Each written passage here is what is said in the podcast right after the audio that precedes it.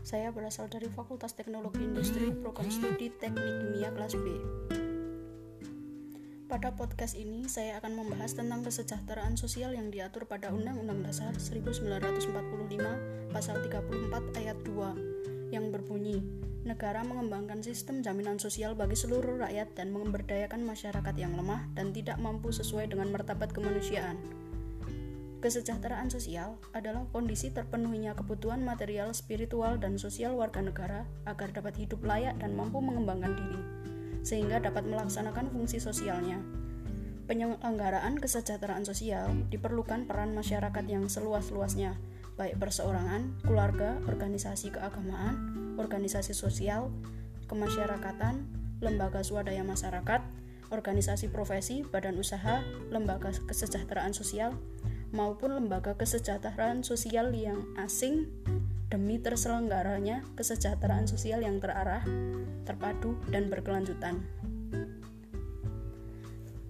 Sebab permasalahan kesejahteraan sosial yang berkembang dewasa ini menunjukkan bahwa ada warga negara yang belum terpenuhi hak atas kebutuhan dasarnya secara layak karena belum memperoleh pelayanan sosial dari negara. Akibatnya, masih ada warga negara yang mengalami hambatan pelaksanaan fungsi sosial sehingga tidak dapat menjalani kehidupan secara layak dan bermartabat. Penyelenggaraan kesejahteraan sosial adalah upaya yang terarah, terpadu, dan berkelanjutan yang dilakukan pemerintah, pemerintah daerah, dan masyarakat dalam bentuk pelayanan sosial, guna memenuhi kebutuhan dasar setiap warga negara, yang meliputi rehabilitasi sosial, jaminan sosial, pemberdayaan sosial, dan perlindungan sosial. Kesejahteraan sosial diatur dengan Undang-Undang Nomor 11 Tahun 2009 tentang Kesejahteraan Sosial. Undang-undang ini mencabut Undang-Undang Nomor 6 Tahun 1974 tentang ketentuan-ketentuan pokok kesejahteraan sosial. Terdapat beberapa latar belakang dibentuknya pertimbangan Undang-Undang Nomor 11 Tahun 2009 tentang kesejahteraan sosial yaitu poin A bahwa Pancasila dan Undang-Undang Dasar Negara Republik Indonesia tahun 1945 mengamanatkan negara mempunyai tanggung jawab untuk melindungi segenap bangsa Indonesia dan memajukan kesejahteraan umum dalam rangka mewujudkan keadilan sosial bagi seluruh rakyat Indonesia. Poin B bahwa untuk mewujudkan kehidupan yang layak dan bermartabat serta untuk memenuhi hak atas kebutuhan dasar warga negara demi tercapainya kesejahteraan sosial, negara menyelenggarakan pelayanan dan pengembangan kesejahteraan sosial secara terencana, terarah, dan berkelanjutan. Poin C bahwa Undang-Undang Nomor 6 Tahun 1974 tentang ketentuan-ketentuan pokok kesejahteraan sosial sudah tidak sesuai dengan perkembangan kehidupan bermasyarakat, berbangsa, dan bernegara sehingga perlu diganti. Berdasarkan pertimbangan-pertimbangan tersebut, maka diperlukan pembentukan UU tentang kesejahteraan sosial.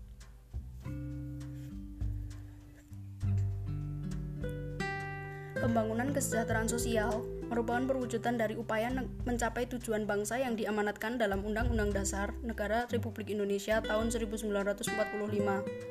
Pada sila kelima Pancasila menyatakan bahwa keadilan sosial bagi seluruh rakyat Indonesia dan pembukaan Undang-Undang Dasar Negara Republik Indonesia tahun 1945 mengamanatkan negara untuk melindungi segenap bangsa Indonesia dan seluruh tumpah darah Indonesia, memajukan kesejahteraan umum, mencerdaskan kehidupan bangsa, dan ikut melaksanakan ketertiban dunia berdasarkan kemerdekaan, perdamaian abadi, dan keadilan sosial.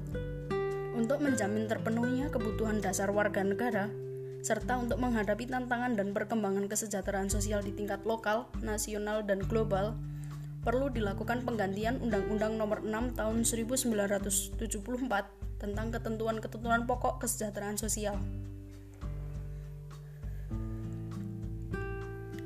Materi pokok yang diatur dalam undang-undang ini antara lain pemenuhan hak atas kebutuhan dasar, penyelenggaraan kesejahteraan sosial, serta komprehensif dan profesional, serta perlindungan masyarakat.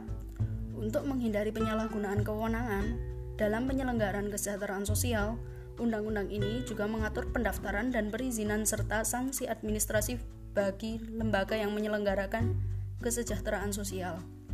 Dengan demikian, penyelenggaraan kesejahteraan sosial dapat memberikan keadilan sosial bagi warga negara untuk dapat hidup secara layak dan bermartabat.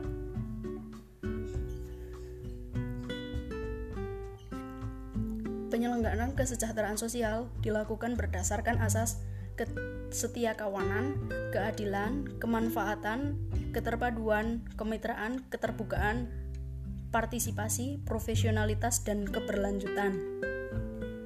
Kemudian ada beberapa tujuan penyelenggaraan kesejahteraan sosial antara lain meningkatkan taraf kesejahteraan, kualitas dan kelangsungan hidup.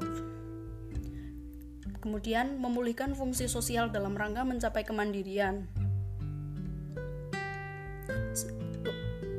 Kemudian meningkatkan ketahanan sosial masyarakat dalam mencegah dan menangani masalah kesejahteraan sosial serta meningkatkan kualitas manajemen penyelenggaraan kesejahteraan sosial.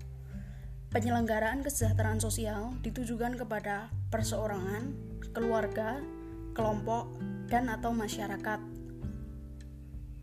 Penyelenggaraan kesejahteraan sosial pada undang-undang yang ada telah memenuhi aspek-aspek yang dapat menunjang terbentuknya kesejahteraan sosial. Karena pada undang-undang tersebut terdapat pasal-pasal yang mengatur untuk menunjang kesejahteraan sosial isi pada undang-undang tersebut sudah sesuai dengan maksud dari tujuan adanya kesejahteraan sosial. Hanya saja, pada penerapannya belum sesuai dengan apa yang dimaksud dalam Undang-Undang 1945 karena masih banyak adanya orang-orang yang belum mampu melaksanakan fungsi sosialnya. Sekian podcast dari saya. Terima kasih atas perhatiannya. Wassalamualaikum warahmatullahi wabarakatuh.